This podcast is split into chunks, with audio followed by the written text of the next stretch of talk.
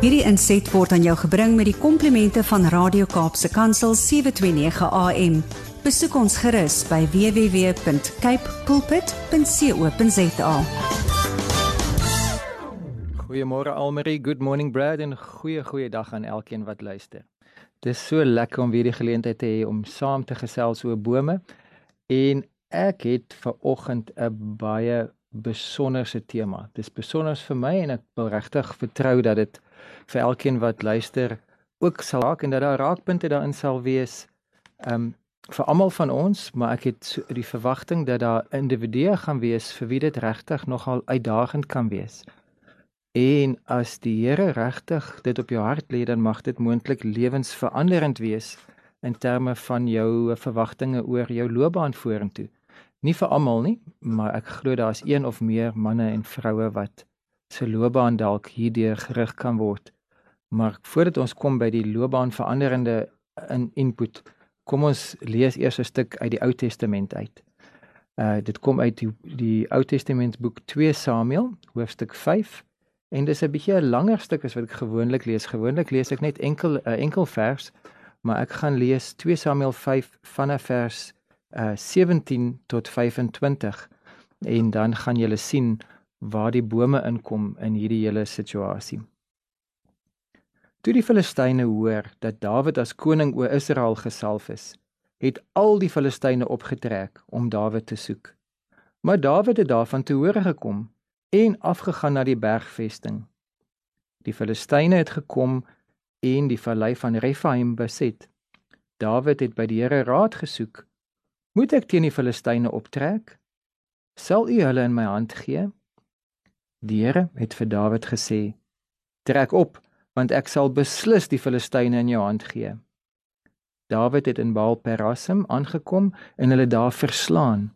Dawid het gesê: Die Here het deur my vyande voor my deur my vyande voor my gebreek, soos water deurbreek. Daarom het hy daardie plek Baal-Perasim genoem. Die Filistyne het hulle afgode daar agtergelaat en Dawid en sy manne het dit saamgeneem. Die Filistyne trek toe weer op en beset die vallei van Rephaim. Toe Dawid die Here raadpleeg, het hy gesê: Moenie van voor teen hulle optrek nie. Trek agter hulle om en val hulle aan voor die balsempopuliere. Sodra jy die geluid van 'n opmars in die toppe van die balsempopuliere hoor, moet jy toeslaan want dan gaan die Here voor jou uit om die leer van die Filistyne te verslaan. Dawid het gemaak soos die Here hom beveel het en hy die Filistyne verslaan van Geba af tot by Geser. Vers 24 2 Samuel 5 vers 24 Sodra jy die geluid van 'n opmars in die toppe van die balsempopuliere hoor, moet jy toeslaan want dan gaan die Here voor jou uit om die leer van die Filistyne te verslaan. Van die Engelse vertalings praat van poplars, not popular but poplar bome, populier bome en ander praat van mulberries. Uh, so ek vermoed dat die tipe boom waarna hier verwys word is iets wat soos 'n moerbeiboom lang takke het wat afhang.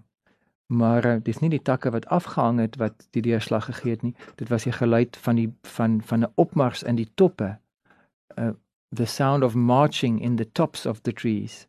Daar was duidelik 'n bonatuurlike belewenis dat hulle in die toppe van die bome iets gehoor het wat 'n teken was en soos wat die Here dan vir hulle gesê het, sodra hulle daai teken hoor, kon hulle aanval en dit het hulle oorwinning verseker. Wat ek wil hê ons moet na kyk, boonbehalwe die feit dat dit so buitengewoon is dat die Here 'n geluid van 'n mars in tussen blare laat veroorsaak het. Blare kan kan klink soos die see. Ek was al in tussen 'n klomp dennebome waar die wind gewaai het en dan klink dit soos golwe. Maar mens sal nie die geluid van die wind in die blare laat regtig laat verwar met uh, uh, die geluid van 'n opmars of van van 'n weermag wat aankom nie. So hierdie was 'n bonatuurlike geestelike ervaring geweest. Maar buiten die vreemdheid van die wonder van hoe die Here die teken gegee het, is die groter wonder vir my die wonder van advies, die wonder van raad dat Dawid het nie vir die bome gevra wat om te doen nie. Hy was nie een of ander druïde uh, in die middeleeue of in die voorgeskiedenis wat na die bome gekyk het vir tekens en vir wonders nie. Hy het ook nie na na moeder natuur in die algemeen gekyk of net 'n boom gaan vashou en soort van die die vibrasies gevoel en dan gebesluit wat om te doen nie. Hy het die Here gevra en die Here het vir hom baie spesifiek geantwoord. En in hierdie geval was die antwoord die geluid van 'n opmars in die boomtoppe, maar ander kere die Here op ander maniere vir Dawid gelei. So die wonder van advies, die wonder van raad en baie van ons wat nou saam in hierdie gesprek deelneem sal kan getuig van geleenthede waar jy al raad gekry het. Geleenthede waar die Here self vir jou 'n teken gegee het, waar die geleenthede tye waar die Here vir jou rigting gegee het, tye wat hy vir jou 'n duidelike aan, aanwysing gegee het van watter kant toe om te gaan in jou lewe.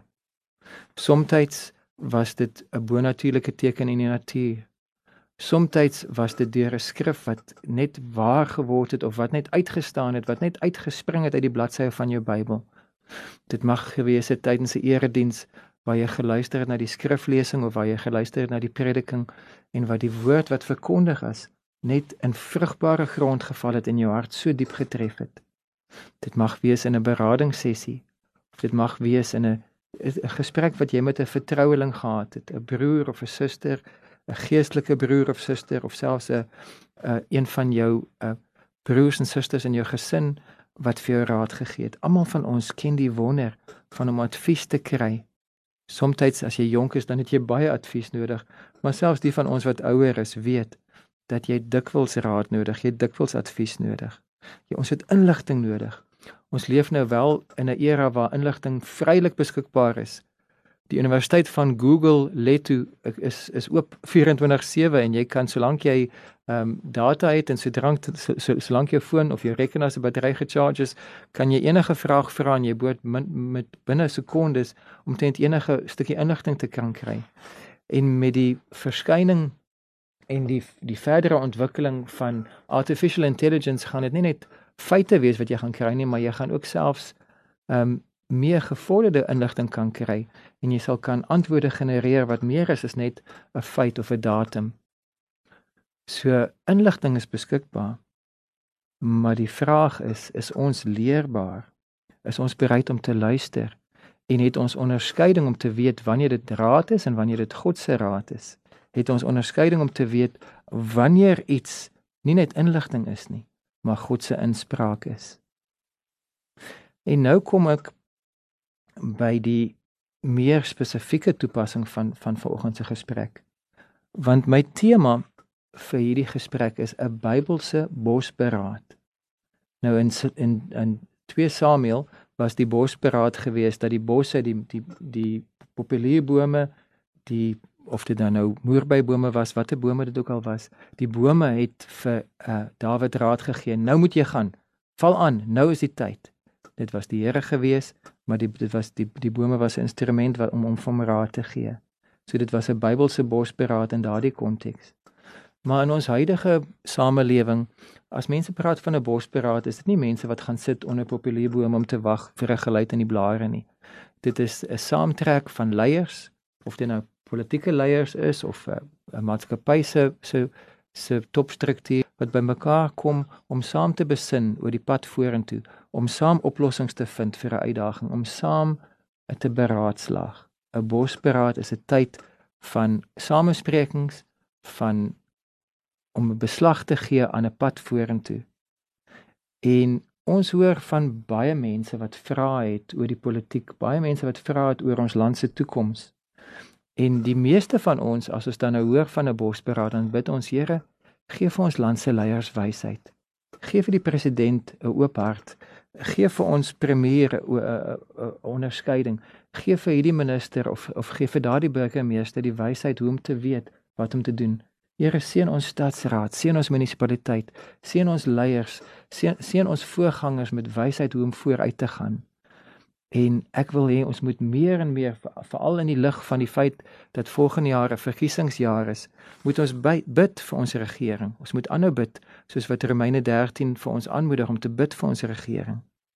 Maar ek het ver oggend 'n sterk oortuiging dat een of meer van ons wat nou my stem hoor, nie net moet bid nie, maar saam met die gebed ook moet gaan en dat jy jouself moet beskikbaar stel as 'n onafhanklike kandidaat.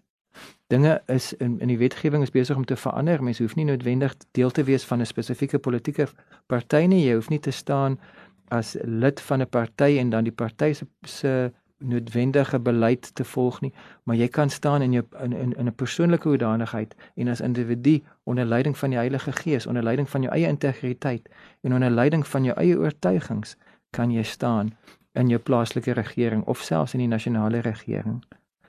En daar's 'n man of 'n vrou wat hoor wat ek sê en wat weet dat hierdie is bevestiging vir jou dat jy moenie net bid vir die wysheid van die leiers nie. Jy moet jouself beskikbaar stel as 'n potensiële kandidaat om te kom leiding gee aan ons land. Ons land het baie probleme.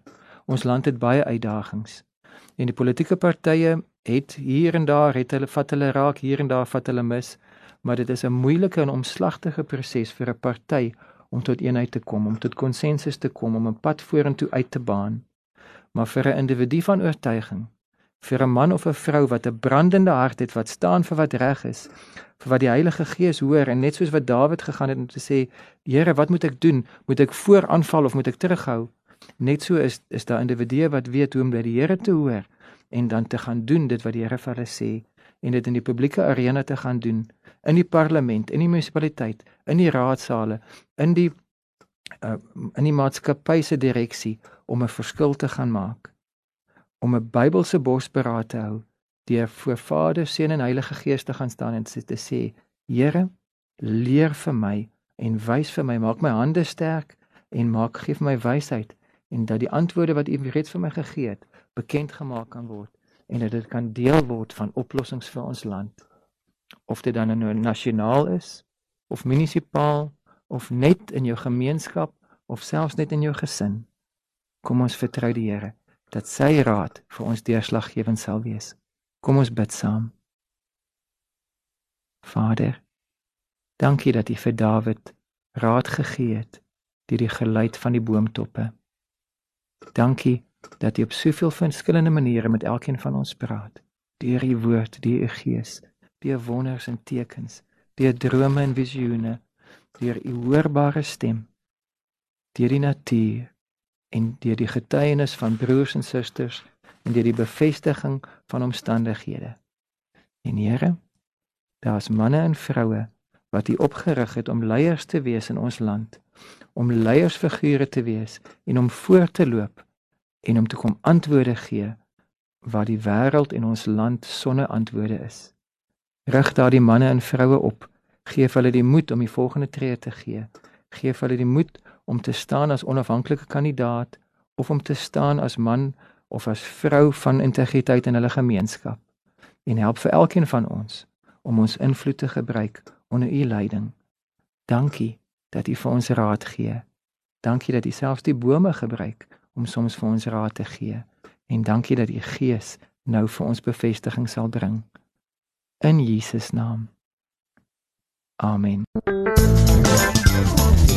Hierdie inset was aan jou gebring met die komplimente van Radio Kaapse Kansel 729 AM. Besoek ons gerus by www.cape pulpit.co.za.